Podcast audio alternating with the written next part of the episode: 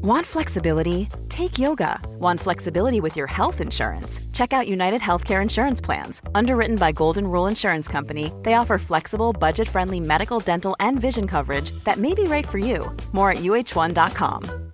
This is Paige, the co-host of Giggly Squad, and I want to tell you about a company that I've been loving, Olive and June. Olive and June gives you everything that you need for a salon quality manicure in one box. And if you break it down, it really comes out to $2 a manicure, which is absolutely insane. It's also so easy to get salon worthy nails at home with Olive and June. The difference between how your nails used to look when you did them yourself and now with the Manny system is a complete game changer. The best thing about Olive and June too is it's a quick dry, dries in about one minute, lasts for five days, and full coverage in up to one to two coats. Visit oliveandjune.com slash perfect Mani 20 for 20% off your first system. That's oliveandjune.com slash perfect Mani 20 for 20% off your first system.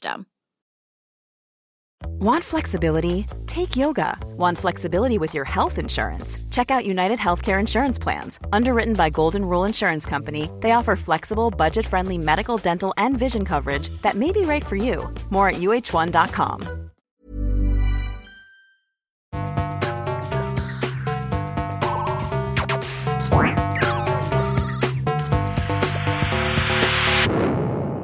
Velkommen til Sinnsyn. Jeg heter Sondre Risom Livre, er psykolog, og dette er Webpsykologens podkast. Hverdagspsykologi for fagfolk og folk flest.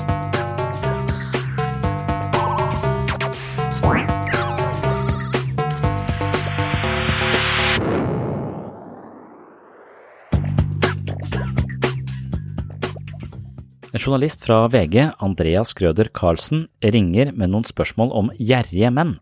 Hun lurer på om gjerrige menn er mindre attraktive for kvinner, og det vet jeg strengt talt ikke så mye om, men jeg kan gjette med litt drahjelp fra psykologisk teori. Jeg vil anta at gjerrige folk er mindre attraktive som partnere, rett og slett fordi gjerrighet som regel er forankra i egosentriske tilbøyeligheter, og egosentrisme er på mange måter det motsatte av kjærlighet. I dagens episode skal du altså få høre en samtale om gjerrighet og parforhold. I etterkant har jeg undersøkt dette fenomenet ytterligere, og da kan jeg lese på flere useriøse sider at gjerrige menn gjør det dårlig på datingfronten. Dinside.no skriver for eksempel følgende. Et irriterende fakta for mange ikke så veldig rike menn er at til og med den mest umaterialistiske kvinnen innrømmer at hun ikke liker gjerrige menn. Og din side mener at forklaringen på dette er overraskende. Jeg er litt usikker på om jeg synes det er så overraskende, men det har altså lite med selve pengene å gjøre. Men ifølge din side så er dette en type egenskap som kvinner legger merke til og tenker at det muligens representerer også dine andre karaktertrekk. Du skjønner, står det, damer følger med på hvordan en mann bruker pengene, eller ikke bruker pengene. Pengebruken hans blir sett på som en direkte refleksjon av hvor sjenerøs og givende han er som person. For eksempel, en mann som snur på hver eneste krone og sjelden spanderer noe på kjæresten eller vennene sine, blir sett på som en som setter sin egen økonomi over alt annet.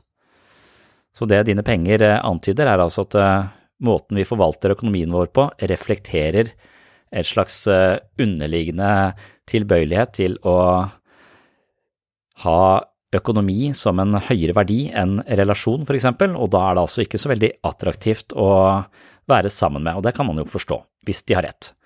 Damer vil også gå ut fra at dette karaktertrekket gjelder for alle andre deler av mannen, blant annet hvor åpen han er om følelsene sine og hvor mye kjærlighet han er i stand til å gi. Så de mener altså at denne pengebruken reflekterer flere andre typer egenskaper, og tenker da at en gjerrig mann har også litt begrensa ting å tilby på andre fronter, og det vil også være min intuisjon og sånn jeg kanskje generelt sett ville tenke om det. Dette betyr ikke at damer sidestiller kjærlighet og penger, påpeker din side, men at de blir mer tiltrukket av en mann som er givende både i ånd og finanser. Jeg tror nok at disse betraktningene kan stemme, det betyr ikke at man må ha mye penger for å skaffe seg en partner, men man må være raus, og rausheten må være ekte. Man må virkelig føle at man bryr seg genuint om den andre personen og ønsker vedkommende vel, og det representerer i seg selv en raus holdning. Evnen til å bry seg om andre på en litt selvforglemmende måte tror jeg er en fasett ved kjærlighet, og den kan lett drukne i møte med gjerrige tilbøyeligheter. Velkommen til en ny episode av Sinnsyn, og velkommen til enda en prat om gjerrighetens psykologi. Hvis du blar tilbake i Sinnssyn-katalogen, så finner du flere episoder om både gjerrighet og egoisme, men nå skal det altså handle om gjerrighet i parforhold. Det er en formiddag i november 2020, og jeg sitter på kontoret og skal egentlig skrive journal, men så ringer VG, og jeg velger å slå av en prat med den hyggelige journalisten, som altså heter Andrea Skrøder Karlsen. Ok, gjerrige, gjerrige folk? Uh, ja, gjerrige uh, Hovedsakelig er jeg litt gjerrige menn nå, men jeg er jo interessert om det faktisk stemmer. da. Uh, om det er Som sagt, tittelen min er 'Derfor vil ikke kvinner ha gjerrige menn'. Men, men jeg er jo nysgjerrig på om det faktisk stemmer, og hvorvidt det faktisk er sant. og sånne ting. Um, så jeg på en måte begynner litt med Vil kvinner ha gjerrige menn, i din erfaring? jeg, jeg ville sånn umiddelbart tenke at de ikke vil Eller jeg vet ikke om det er menn eller kvinner. altså Jeg ser på gjerrighet som et, eh, som et slags symptom på underskudd, mm. psykisk underskudd. Så det er vel en følelse av å hele tiden mangle noe og måtte ta vare på det man har. Eh, og når man hele tiden føler at man mangler noe og trenger noe mer, så er man ofte i et sånn konkurrerende forhold til omgivelsene sine. Uh, og da blir man jo Da skaper man avstand istedenfor nærhet til folk. Og det å ha gode relasjoner, det handler jo om å ha nærhet. Så gjerrighet eh, opplever jeg ofte som et underskuddsprosjekt hvor det er en enten en slags psykologisk mangel du føler du skal prøve å bøte på ved å skaffe deg flere ting, en slags underliggende utrygghet som handler om å sikre seg selv så det er noe sånn egosentrisk over det. Og, og, man tenker kanskje at all psykisk utvikling går fra å være liksom meg og mitt til eh, at man kommer i såpass balanse at man evner å ta flere perspektiver og klare å ta hensyn til eh, stadig flere perspektiver, egentlig. Sånn at, eh, og i den grad man er i ganske god balanse selv, så vil ikke behovet være å få så mye fra andre folk, det vil heller være å gi.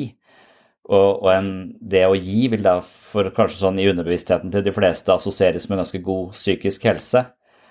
Og det å være gjerrig vil ofte assosieres med usikkerhet og tilkortkommenhet. Mm -hmm. Så jeg ville tenke at man eh, sånn umiddelbart fornemmer eh, Kanskje man fornemmer dette, og derfor ikke vil ha eh, Altså at gjerrighet ser vi på som en, en litt sånn et, Ja, et underskudd. Det er ikke dermed det er galt, et underskudd er helt reelt. Altså, du kan ha blitt eh, tråkka på, mobba og fratatt masse ting som egentlig var ditt. Så, så, du har fått en slags eh, beredskap og en slags underliggende idé om at folk er ute etter å lure deg og ta deg, så du må holde oppe garden hele tiden. Men det skaper jo ikke gode relasjoner, det skaper jo avstand. Ikke sant. Um, så på en måte Gjerrighet er jo ikke nødvendigvis betyr ikke at du er en dårlig person, på en måte. Uh, men jeg er jo litt sånn interessert av bare sånn Hvis du er på en eh, date for første gangen, eller du opplever gjennom et forhold at eh, partneren din er veldig gjerrig, er hvordan reagerer folk på det? Vet du, liksom, har du noen erfaring med det? Nei, jeg kan ikke si jeg har noen erfaring med det, men jeg, men jeg tenker vel at uh, vi, har, vi har, faktisk drøftet det i gruppeterapisammenheng noen ganger. Og, mm. og det, det fins um, unge menn som tenker Som egentlig har en litt, mer sånn gammeldags tankegang i den gruppa av, en eller annen grunn, som, som, tenker at det er alltid mannen som skal spandere og osv. Men han møter ganske mye motstand på det, da. Fordi at eh, han, han, mener det, noen mener det er liksom bakstrebersk i forhold til likestilling osv. Så, videre. Eh, så det å kunne dele vil de eh, kanskje moderne mennesker være opptatt av. Eh, fordi at med en gang du blir eh, spandert på, så, så, er det akkurat som det binder deg litt også. Du kommer kanskje en følelse av at du kommer i en slags tak takknemlighetsgjeld. Hvis man tenker helt mhm. likestilt, hvis man ikke tenker at det er de sosiale kodene som sier at menn skal, skal betale, eller noe sånt, så, så, vil man kanskje føle at man kommer i en, en type takknemlighetsgjeld, og, og, da blir det en skjev balanse i relasjonen. Så før man blir veldig godt kjent, så kanskje man vil eh, prøve å opprettholde en, en, slags balanse eh, i det regnskapet. Ikke sant. uh, um, ja, jeg var litt nysgjerrig på det med skjønnsroller òg, på å si. Um, fordi at det jeg også da er jo det i forhold til både gjerrighet og sånn som du sier da med at det kanskje er forventa at, at, menn skal betale. at um, Er det noe vi på en måte holder litt fast ved generelt, eller har du fått inntrykk av at det er mer at som du sier nå, at folk har lyst til å at splitte regninga, kvinner kan også betale innimellom? Eller er det på en måte mer forventa at, at, guttene skal gjøre det? Det har jeg ikke noe eh, utgangspunkt for å si. Men man kan bare sånn reflektere over. Altså det, eh, det kan jo kanskje ligge rudimenter av den der eh, forsørgergenet eller et eller annet sånt noe som, som forteller at, altså, at penger symboliserer noe mer. Det symboliserer også at du, du har omsorgsevne eller ivaretakelsesevne, og at at da er det mannen som skal ivareta, og, og dama som skal bli ivaretatt. Men det er jo eh, ikke realitetene lenger. Det, men, men, veldig ofte så er det sånn at, eh, at eh, tidsånden eller kulturen eller et eller annet sånt, det, det bor i oss som en slags eh, si, kulturelt gen som, eh, som, vi tar med oss uh, ofte lenger enn det, vi har bruk for det. Det kan man mhm. tenke på om følelser også, om fremmedfrykt. Man kan tenke at uh, vi er utstyrt med en type forakt for det ukjente, fordi at det var bra for uh, eh, 1000 år siden, hvor vi skulle over til andre kontinenter og hadde aldri sett de folka som bodde der før. Og det å føle en viss avsky for de, det var, hadde overlevelsesverdi fordi at de hadde sykdommer vi ikke har. og så, sånn at det, mens, mens det, nå lever vi globalt, liksom, så, så det, vi, den fremmed, den der avskyen mot det ukjente, den trenger vi egentlig ikke ha, men vi har den likevel i oss, og vi kjenner den igjen som uh, rasisme. Eh, i, i, samfunnet. Så at eh, Og det kan godt være at det ligger noen sånne føringer fortsatt i, eh, i, dette med kjønnsrollemønster og sånn, at vi og, så, så, at vi, vi, plukker opp Det kan godt være Det vet jeg ikke nok om, men sånn ubevisst mm. ser på Både utseendet spiller en rolle, liksom. Det lurer oss til å tro Vi tror jo at vi har sånne tankefeil som vi hele tiden begår, hvor vi gjør sånne kortslutninger i forhold til andre mennesker som eh, F.eks. så tenker vi at pene mennesker er bedre foreldre. Eh, derfor så Det kalles glorieeffekten. Så hvis vi ser en positiv egenskap ved et menneske, så kan vi ofte generalisere det, sånn at vi tror det gjelder hele mennesket. Eh, eller på mange andre områder som de ikke kan ta så, Og mennesker som er mindre symmetriske, de kan vi tenke er dårligere foreldre. Eh, og, og, og, vi tenker det ikke nødvendigvis eh, eksplisitt engang, det bare ligger liksom sånne kortslutninger som hjernen gjør for å forvalte masse informasjon på en gang. Og der begår vi jo masse, masse feil. Men, men, gjerrighet tror jeg kanskje er noe, noe annet. Altså gjerrighet Det kan jo hende at noen, noen mennesker tiltrekkes eh, det, det gjerrige fordi at man er det selv, og at man da kommer på lag med en som også er proteksjonistisk og skal bygge mur mellom seg og verden, sånn at vi skal i hvert fall klare oss. Så nå er vi to stykker som skal samle sammen, på en måte, mot, uh, mot de andre. Sånn type Ove Sundberg og hun dama eh, fra Solsidan. Ove Sundberg er jo gjerrig. Ja, ikke sant. Skal vi se, bare skrive litt her nå mens Ingen liker Ove Sundberg. Eh, eller, jeg digger Ove Sundberg, men på en sånn måte Ikke det at jeg Jeg vil ikke ha han som nabo, eh, nødvendigvis. Og så kan, kan, jeg også ha en sånn fornemmelse innimellom at det å, det å spandere, det å ta regninga, også ha en sånn subtil form for hersketeknikk ved seg, eller en sånn derre en måte å markere seg på, en måte å vise muskler på eh, i noen sammenhenger. Kanskje ikke så mye mellom eh, menn og kvinner, men det kan være f.eks.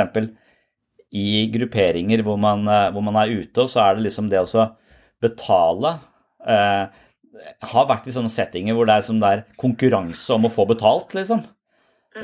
Som, som om det, det, gir en eller annen sånn form for symbolsk status som, eh, som bekrefter at du har eh, lykkes. Ikke sant. This is Paige, the co-host of Giggly Squad, and I want to tell you about a company that I've been loving, Olive and June. Olive and June gives you everything that you need for a salon quality manicure in one box. And if you break it down, it really comes out to $2 a manicure, which is absolutely insane. It's also so easy to get salon worthy nails at home with Olive and June. The difference between how your nails used to look when you did them yourself and now with the Manny system is a complete game changer. The best thing about Olive and June too is it's a quick dry, dries in about one minute, lasts for five days, and full coverage in up to one to two coats. Visit oliveandjune.com slash perfectmanny20 for 20% off your first system. That's oliveandjune.com slash perfectmanny20 for 20% off your first system. I'm Sandra, and I'm just the professional your small business was looking for. But you didn't hire me because you didn't use LinkedIn jobs. LinkedIn has professionals you can't find anywhere else, including those who aren't actively looking for a new job but might be open to the perfect role, like me. In a given month, over 70% of LinkedIn users don't visit other leading job sites. So if you're not looking on LinkedIn, you'll miss out on great candidates like Sandra. Start hiring professionals like a professional. Post your free job on linkedin.com/people slash people today. Normally, being a little extra can be a bit much, but when it comes to healthcare, it pays to be extra. And United Healthcare makes it easy with Health Protector Guard fixed indemnity insurance plans. Underwritten by Golden Rule Insurance Company, they supplement your primary plan, helping you manage out of pocket costs without the usual requirements and restrictions like deductibles and enrollment periods. So when it comes to covering your medical bills, you can feel good about being a little extra. Visit uh1.com to find the Health Protector Guard plan for you. Fordi at, um, også med det, på en måte, holdt jeg på å skal vi se, fortsette litt sånn på en måte du sa tidligere. Um, det med uh, på en måte gjerrighet, eller at vi på en måte kanskje ser et uh, på en måte pent menneske og tenker at de blir bedre foreldre, som du sa. og sånn. Uh, er det noen ganger vi kan på en måte oppleve et gjerrig menneske og gå ut ifra at de er gjerrige på andre områder i forhold og på en måte ikke bare med, med penger, men også med kanskje følelser, kjærlighet ehm, og, og, ting som det? Ja, min sånn umiddelbare fornemmelse ville være at det henger litt sammen. Men det er, det er ikke sikkert det trenger å gjøre det. Fordi at eh, akkurat økonomi, hvis, hvis, du, hvis du assosierer gjerrighet bare til økonomi, så er økonomi hvis, hvis man i utgangspunktet har en litt sånn sårbar struktur, så vil man ofte få en type angst knytta til enten økonomi, naturkatastrofer eller sykdom. Det, er den der, En underliggende sårbarhet vil ofte manifestere seg i en frykt for å bli syk, en frykt for naturkatastrofer eller en frykt for å gå konkurs eller ikke være på en måte betalingsdyktig. For det er liksom de, det er sånn eksistensielle ting hvor vi er, føler oss maktesløse. på en måte, og Derfor så, så vil eh, en sånn underliggende følelse av maktesløshet eller eh, frykt for at jeg er veldig liten i en stor, stor verden, det vil ofte komme til uttrykk i de, eh, de stedene. Så, så det kan handle om en sånn type sårbarhet hvor man er egentlig ganske raus på andre områder, men er spesifikk, altså usikker akkurat når er, man har symptomene sine kanalisert ut i dette med frykt for å gå konkurs, da, og er da veldig opptatt og, og møysommelig på hvordan man eh, forvalter pengene sine. Og, og en sånn type forvaltning av penger, det kan være sunt og forsvarlig og ganske attraktivt. Men idet du opplever det at du, er, du skal på en måte bli kjent med en, og dere skal være på lag, og vedkommende oppfører seg sparsommelig mot deg også, prøver, føler en sånn proteksjonisme overfor deg, så, så skaper det jo splid.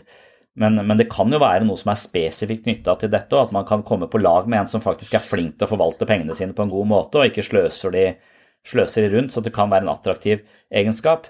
Men hvis det er en, sånn, hvis det er en mer generell gjerrighet som gjelder på tvers av, av alt, hvor det, hvor det egentlig handler om en, en, et underliggende underskudd som hele tiden føler at det, jeg har blitt urettferdig behandla, jeg må passe på meg og mitt, så har du et fokus som er selvsentrert. Og et selvsentrert fokus er ikke et bra utgangspunkt for Det er det motsatte av Eller det er det motsatte av kjærlighet, egentlig.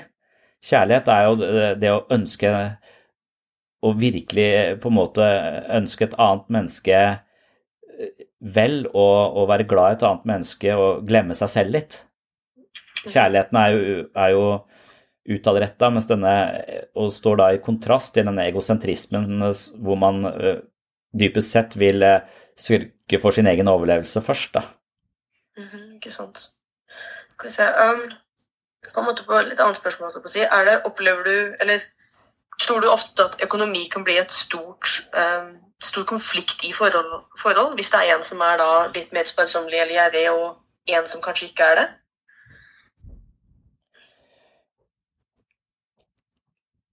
Ja, det, det tror jeg kanskje. Så Men for, det, for, kom, hvis, hvis, du først f.eks. er gift da, eller er et ekteskap, så kan man jo ha forskjellige opplevelser eller ha sånn Så, så da, da, kan man jo Da kan jo den ene parten f.eks. ha en sånn hvis man føler seg litt nedfor og er litt utafor og sliter litt, så kan jo det å gå på nett og shoppe være en måte å fylle det hullet på. Eh, og hvis det blir et sånn utprega mønster, så får du plutselig en hel haug av ting du ikke trenger, f.eks. såpedispensere som kommer med såpe av seg sjøl, bare at det tar dritlang tid. Eh, det er bare sett et sted, det er en merkelig ting å kjøpe. Men?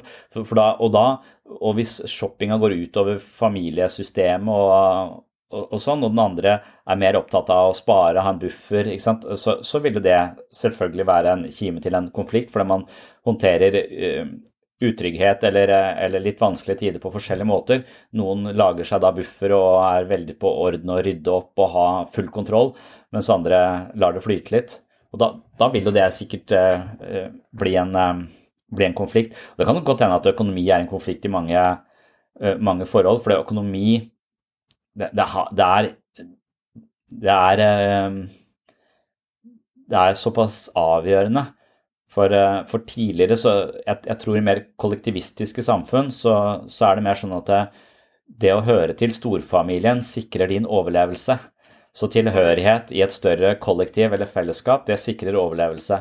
Og da vil den strengeste straffen du, du får, det vil være å bli bannlyst eller, eller, bare avvist eller utestengt fra fellesskapet.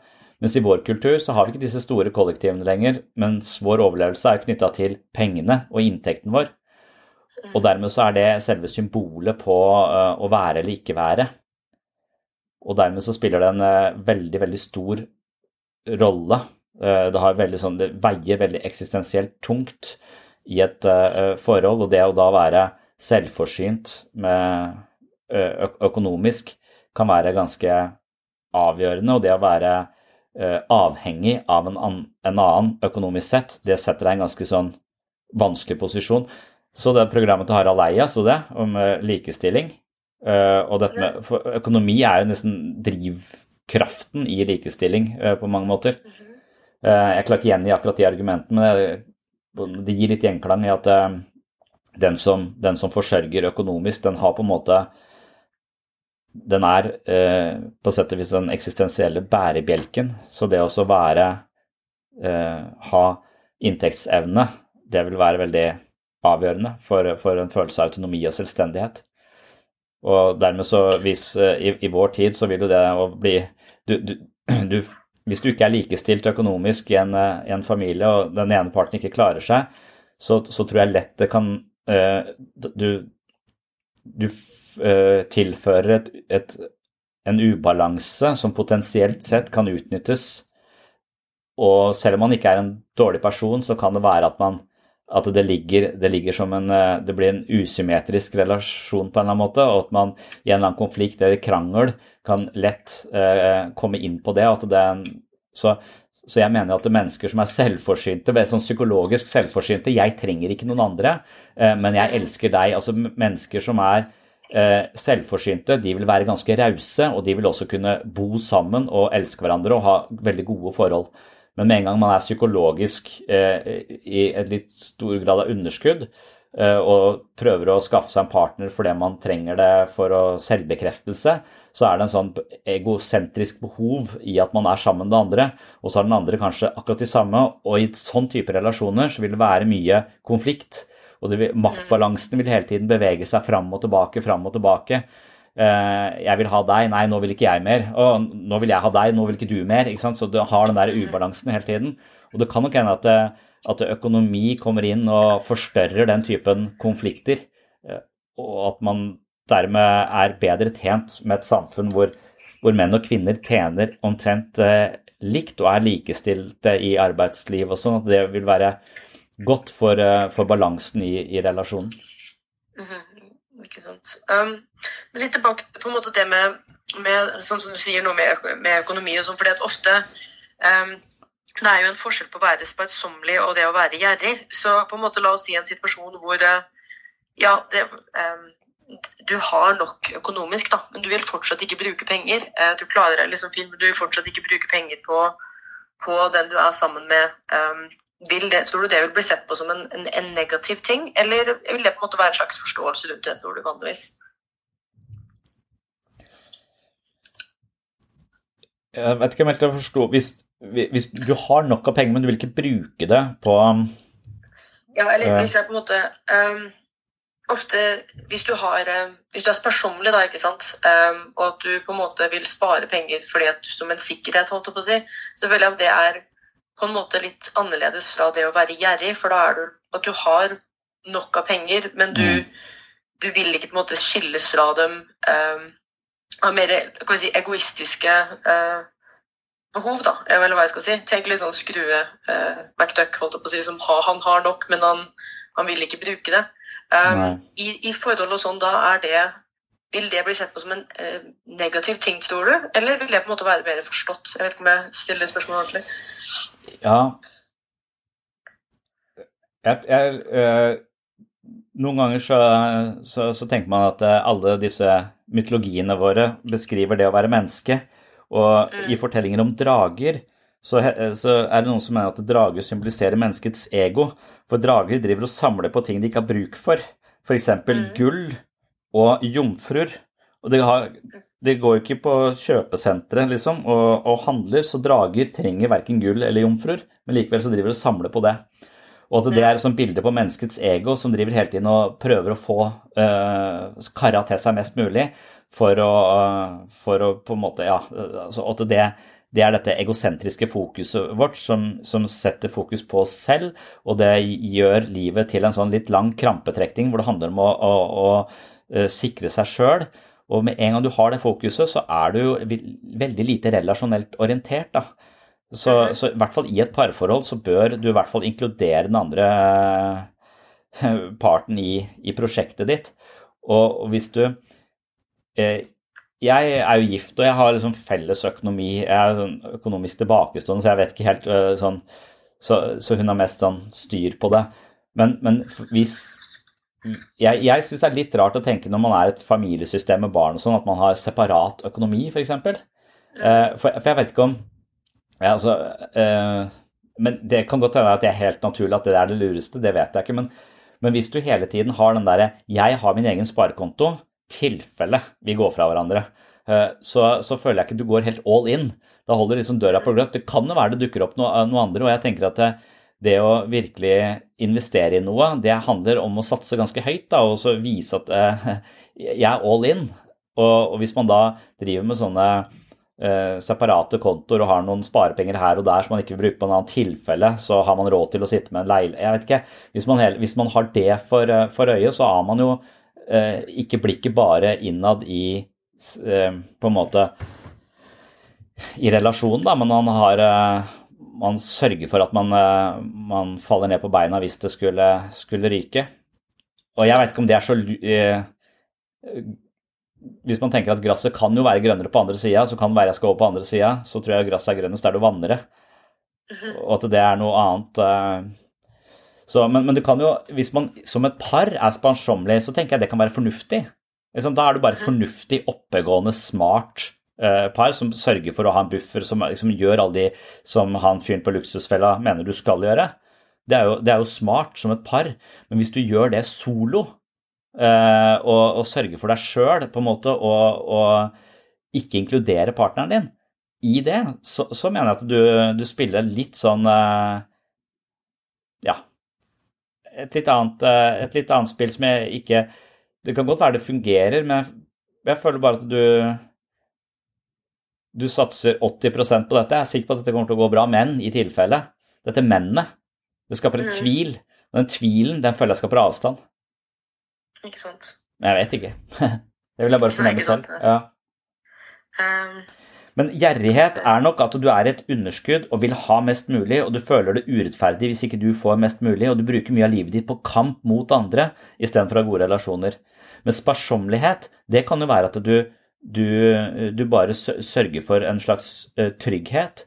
Men hvis du da er sparsommelig, uh, og, og, er sparsommelig på den måten at du ikke unner partneren eller kjøper ting til partneren som vet at det har høy verdi for partneren din, på en måte, så, så, ha, så er det noe med verdisystemet ditt. Jeg eh, skatter eh, økonomisk trygghet høyere enn eh, eh, opplevelser, ferier, jeg vet ikke hva det skal være. Altså, så, så, du må jo finne ut av må, Det kan jo speile litt ditt eget verdisystem også. Og hvis, eh, hvis du rangerer økonomi på toppen, og det å ha det fint sammen på andreplass, så, så, mm. så kan jo det være en litt lite attraktiv egenskap, kanskje. Og kanskje du er nødt til å se på dine egne eh, verdier, fordi verdiene er ofte også forankra i en sånn underliggende oppvekst, eh, erfaring med økonomi, eh, utrygge Hvor mye penger hadde familien din når du vokste opp? Hvordan har du blitt opplært mm. til å tenke om det? Så alle de verdiene våre de er ikke noe vi nødvendigvis har valgt eh, selv. Også. Det er noe som er installert i oss. Og av og til kan de verdiene da sørge for at vi lever livet vårt på en måte som ikke er helt optimal. Så kanskje vi spinker og sparer, og så dør vi med kontoen full av penger og, og mangler opplevelser og det var det livet. Så, eh, så, så verdiene våre kan jo være fucked up, eh, og, så det kan man jo også kanskje eventuelt se på hvis man, eh, hvis man alltid prioriterer sparing og, og sånn. Ikke sant. Jeg bare, jeg bare går gjennom spørsmålene litt her nå, holdt jeg på å si. Um, bare for å gå tilbake til litt sånn, litt sånn um, de forskjellige skjønnene her, holdt jeg på å si. Opplever du at et kjønn ofte er mer opptatt av økonomi enn det andre. Jeg, liksom, du, vi snakket jo så vidt tidligere i dag om det å f.eks. hvis det var noen som eh, shoppa en del og sånn, og det er jo tradisjonelt er jo kvinner kjent for å være litt mer glad i shopping enn menn. Um, tror du det kan være noe med at menn er mer sparsommelige, kvinner er mer sparsommelige, eller da på en måte gjerrig, da? Er det, er det, noe du tror har noe Er det noe mønster der? Um, ja, men det er ikke lov til å si. Nei, ikke sant. Uh, så, så det, det, det, er sånn farlig terreng. Sånn, men, men, men, jeg Min oppfattelse av det er at, uh, at det endrer seg. For jeg tror at uh, menn og kvinner endrer seg. Altså at kulturen vår, måten å se ting på, det endrer oss. Mm -hmm. Det endrer oss rett fysisk også. Så det er ikke bare at det, vi er født med liksom, Jeg tror at det er forskjell på menn og kvinner. Jeg tror det er forskjell på hjernen vår. Den ene er mhm. bada i østrogen på et eller annet tidspunkt, den andre er bada ikke sant? Så, så, at det er, mhm. Hvis man leser om hjernen og hvordan den utvikles og hva som bestemmer kjønnet, så, så, så vil det være at vi er, vi er, på en måte skrudd sammen på litt forskjellige måter. Uh, og det, det, tror jeg til en viss grad er sant. Men så tror jeg ikke det trenger å være skrevet i stein heller. Jeg tror det kan endre seg. Så etter hvert som vi lever mer og mer likestilt, så tror jeg vi også sånn, rent sånn nesten sånn biologisk blir likere hverandre. Vi blir kulturelt sett likere hverandre, vi blir mentalt sett likere hverandre, og vi blir kanskje etter hvert også nesten biologisk sett likere hverandre. Sånn det, så jeg tror mhm. kulturen vår kommer til Kulturen kommer, påvirker oss uh, på, på, veldig mange måter, og vi påvirker kulturen med våre ideer og hva vi tenker er, er, er, er riktig. Så, men når det gjelder det å, å, å om menn er mer gjerrige, så, så, så vil jeg tenke ja. Eh, sånn i utgangspunktet så kan jeg forestille meg at eh, kvinner er mer relasjonelt orienterte. Noen mener at de har et sånn horisontalt eh, perspektiv, de er opptatt av relasjoner. Mens menn er opptatt av regler og, og tenker mer vertikalt, da, som stereotypisk, sånn menn er fra Mars, kvinner er fra Venus-greier. Mm. Så, så, så, så, vil man kunne kanskje tenke at at det relasjonelle, det å være opptatt av andres følelser, være sensitiv overfor andre og skape gode mm. relasjoner, er det motsatt av gjerrighet. Eh, mens gjerrighet er altså ja, jeg sørger for meg og eh, sånn, og, være i en litt mer konkurrerende forhold til omgivelsene sine. Og jeg tror ikke at konkurranse skaper de beste eh, relasjonene. Jeg tror at eh, vi, vi etter hvert skjønner at det å ha gode relasjoner og være gode mot hverandre og samarbeide er det som er vår nisje. Så det å drive og krige mot hverandre, det, er, eh, det, gjør ikke ting så jævla mye bedre. Og jeg tror kanskje det er en mer maskulin tendens da, eh, å gå i den, den, retningen. Derfor så vil jeg nok tenke det. Men så vil jeg da si at alle, alle mennesker har maskuline og feminine krefter i seg. Og jeg tror kanskje at de feminine kreftene får mer fotfeste i likestilte samfunn, og at det er ganske bra for de likestilte samfunn. Jeg tror man ville se at de fungerer bedre på veldig mange områder. Ikke sant. Ikke sant. Men på en måte bare da, for, det ene du sa, å skape relasjoner er det motsatte av gjerrighet. Um, et forhold er jo på en måte basert på å skape relasjoner, så gjerrighet er det da det blir en ganske negativ ting i forhold. Nå prøver jeg ikke å på en måte ja. vri på ordene dine her, men jeg jo, bare men jeg, jeg, syns, jeg, jeg at gjerrighet uh, Jeg ser på min egen i den grad jeg har noen gjerrige eh, trekk, som et symptom på usikkerhet hos meg sjøl. Mm. Jeg ser ikke på det som et, eh, som et psykologisk sunt trekk. hvis det dukker opp hos meg, så, så vil jeg se på det som eh, som en svakhet jeg er interessert i for å prøve å korrigere for.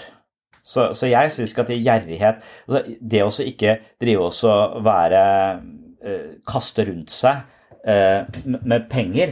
Jeg, jeg syns at det fråtsing med penger, det å drive og vise seg fram med masse penger og bare kaste det rundt og kjøpe den dyreste champagnen, det syns jeg også er på en måte er sånn Eh, show-off, og det syns jeg heller ikke er noe, noe særlig. Men, men, det å spinke og spare uh, så, på, på, bekostning av noe andre, det syns jeg jeg virker som et egosentrisk trekk. Og den egosentrismen, den er ikke det er ikke det at det gjør deg til et dårlig menneske, det gjør deg bare til et Det er usikkerhet i deg, er, du har en type angst, du har en type indre uro pga. alt du opplever. Det er ikke ditt ansvar, din, jo, det er ditt ansvar, men det er, det er, ikke din skyld at du nødvendigvis er gjerrig, men, men, det er et symptom du kanskje burde være interessert i. Eh, for det kan kanskje fortelle deg noe om din egen usikkerhet, og så kan du kanskje prøve å korrigere litt for det, fordi det sannsynligvis ødelegger relasjonen din til andre mennesker. Mm.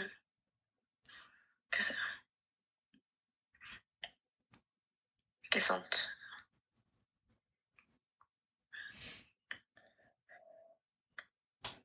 Jeg ta et siste notat her. Ja. Du, var det du som hadde sendt en mail, forresten? Uh, nei, det nei. var det nok ikke. Nei, ok, For da fikk jeg aldri svart på den. Det var... Nei, ikke sant, skjønner. Nei. Mm. nei, men uh, det høres ut som jeg har fått svar på, på alle spørsmåla mine. Tusen takk for hjelpa. Ja. Uh, men si, har du en e-post, så jeg kan, kan alternativt ja. deg da, hvis det er Når jeg er usikker på sånt, hvis det er skrevet litt fort? Ja. Uh...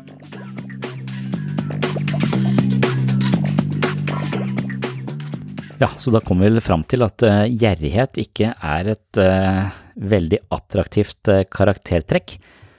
Og det være gjerrig eller smålig eller hva det skal være, det er sikkert mange fasetter ved dette vi ikke fikk snakket om, men jeg mener jo at det handler om å være litt selvsentrert, og at selvsentrert og e-, egosentrisme i høy utstrekning er det motsatte, eller står i motsetning til en mer altruistisk eller givende holdning, da.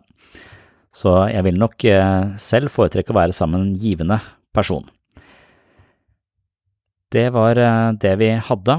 Jeg kom litt til å tenke på et eh, klipp fra en kristen, gjerrig psykopat som ofte opptrer på skjermen, hvor han snakker veldig mye om gjerrighet selv, og han snakker om at gjerrige folk de havner i helvete, ifølge denne kristenkonservative gubben som samler inn penger fra folk som ikke har så mye, som sitter og hører på TV-kanalen hans, og han uh, legger ut om hvor viktig det er å gi alle pengene sine til han, eller føre de inn i Guds rike, da, som i dette tilfellet er hans rike. Så han sitter på masse, masse, masse penger, er steinrik, og han tar dette her fra minstepensjonister og uføre som eh, kjøper seg et slags håp, og som føler at de kan bidra til en god sak og et eh, guddommelig prosjekt, men eh, dypest sett så går disse pengene til denne griske pengepredikanten, og de er det flere av i Norge. Så griske pengepredikanter, som er både gjerrige og manipulerende, det er virkelig av verste sort.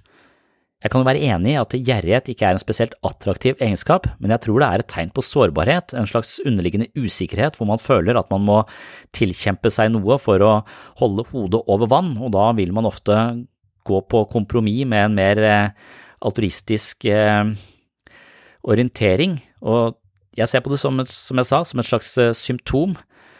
Men eh, enkelte pastorer de fordømmer dette som eh, en egenskap hvor du havner i helvete. Og det handler ikke om å være givende i alle til folk som trenger det, det handler om å være givende i forhold til disse styrtrike pengepredikantene, sånn at de kan loppe de eh, minst bemidlede av oss for eh, det lille de har igjen, sånn at de kan bygge sine egne eiendomsimperier, og det er bare det er så, jeg får brekningsfornemmelser av. Så jeg vil avslutte denne episoden med et eh, kort innblikk i en viss TV-kanal hvor en ekspert på gjerrighet snakker om hvordan du havner i helvete hvis du er gjerrig, og her, her jeg må varsle om sterke scener.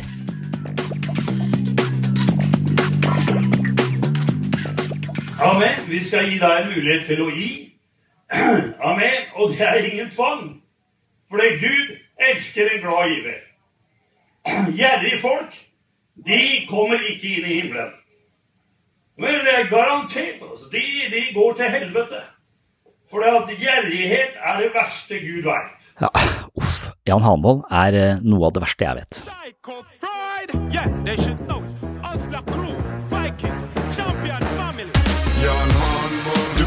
Holde kjeft. Jan Hanvold, jeg vil skrolle vekk. Jan Hanvold, Visjon Norge. Noen grunker er du nødt til å ordne. Jan Hanvold, du bør holde kjeft. Jan Hanvold, jeg vil skrolle vekk. Jan Hanvold, Visjon Norge. Noen grunker er du nødt til å ordne. Når det kommer til Hanvold, hold kjeft, putt noe i gang. Tusen takk for uh, følget. Tusen takk for at du hører på Sinnsyn. Takk til alle dere som har rata podkasten og gitt den hyggelige tilbakemeldinger i iTunes og i andre kanaler. Jeg får ikke alltid eh, svart på alle henvendelsene jeg får, men jeg leser alt som kommer min vei, og det kommer veldig mange hyggelige tilbakemeldinger fra dere, og det setter jeg utrolig stor pris på. Jeg blir dypt og inderlig takknemlig hver gang jeg får eh, sånne hyggelige eh, kommentarer. Og det gjør også at jeg føler at dette her prosjektet er meningsfullt. Det er spennende å drive med. Jeg får mye ut av det selv, og jeg skjønner at det er mange av dere som hører på som også får noe ut av det, og det er bare fantastisk. Så det setter jeg stor pris på. Det var altså det for denne gang. Takk til eh, VG for eh, interessante spørsmål. Og så tenker jeg det kommer en ny episode rett rundt hjørnet. På gjenhør!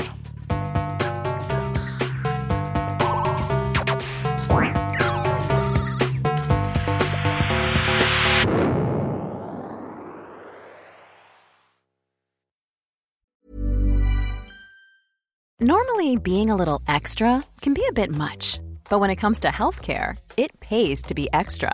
And United Healthcare makes it easy with Health Protector Guard fixed indemnity insurance plans. Underwritten by Golden Rule Insurance Company, they supplement your primary plan, helping you manage out of pocket costs without the usual requirements and restrictions like deductibles and enrollment periods. So when it comes to covering your medical bills, you can feel good about being a little extra. Visit uh1.com to find the Health Protector Guard plan for you. Hi, I'm Daniel, founder of Pretty Litter. Cats and cat owners deserve better than any old fashioned litter. That's why I teamed up with scientists and veterinarians to create Pretty Litter. Its innovative crystal formula has superior odor control and weighs up to 80% less than clay litter. Pretty Litter even monitors health by changing colors to help detect early signs of potential illness. It's the world's smartest kitty litter. Go to prettylitter.com and use code ACAST for 20% off your first order and a free cat toy. Terms and conditions apply. See site for details.